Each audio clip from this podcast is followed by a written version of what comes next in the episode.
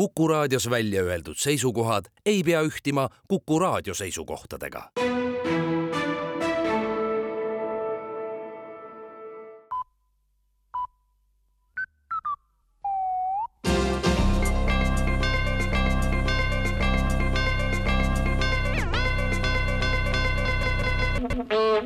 tere kuulama uudiseid stuudios Rohke Debelak. Eesti Arstide ja Õdede Liit alustab sel esmaspäeval poliitikute meditsiinilist läbivaatust. juba mõnda aega on meedikud murelikult jälginud poliitikute seas levivat seni teadusele seletamatut fenomeni, milleks on sõnade ja tegude täielik lahkuminek meedikutele pakub suurt teaduslikku huvi, millised muutused täpselt poliitikasse läinud inimese organismis aset leiavad ja miks ja kas on võimalik välja töötada ka vaktsiin poliitikute meditsiiniline läbivaatus viiakse läbi ette teatamata, sest nii mõnigi poliitik on kuulnud uuringust ja lubanud ise kindlasti kohale tulla, meedikuid igati aidata ja see tähendab seda, et kui aeg käes, pole kindlasti kohal mitte kedagi, kardavad arstid.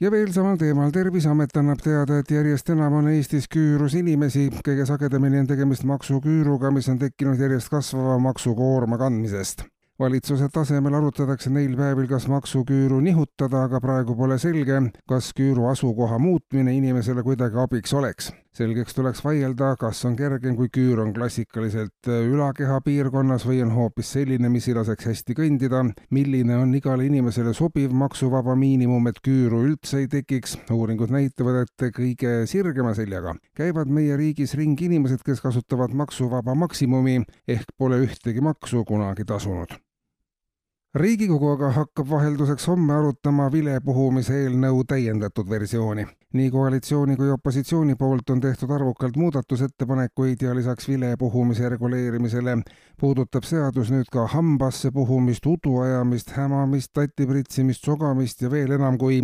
neljakümmet igapäevast kommunikatsiooni erivormi, milliseid nii poliitikud kui tavainimesed igapäevaselt ka kasutavad kunagi aga ei ole olnud üheselt arusaadav, mis on mis, kes on mis, kas on kes ja kas keegi kunagi ka millegi eest üldse vastutab ja kas miski on veel üldse tõsiseltvõetav ja kas seda lõppude lõpuks üldse peakski tegema ja pealinna teateid. Tallinna linnavalitsus kinnitas eile jalgrattateid puudutava põhjaliku arengukava. senised katsetused teede värvimisel lõpetatakse ja edasi keskendutakse eeskätt jalgrattaga sõitmise ohutusele ja mugavusele. selleks otstarbeks ehitatakse linnast välja kümne kilomeetri pikkune, viiekümne meetri laiune ringrada. seda saavad tasuta kasutada kõik tallinlased ja linnakülalised, kes on harjunud iga päev rattaga sõitma. samuti ka need inimesed, kes seda seni ei ole julenud teha praktika on näidanud, et jalgrattad ja linnakeskkond lihtsalt ei sobi kokku ja on ohtlik. spetsiaalselt jalgratastele ehitatud ringrada on oluliselt turvalisem lahendus ja ka kordades odavam kui jalgrattateed linna sees.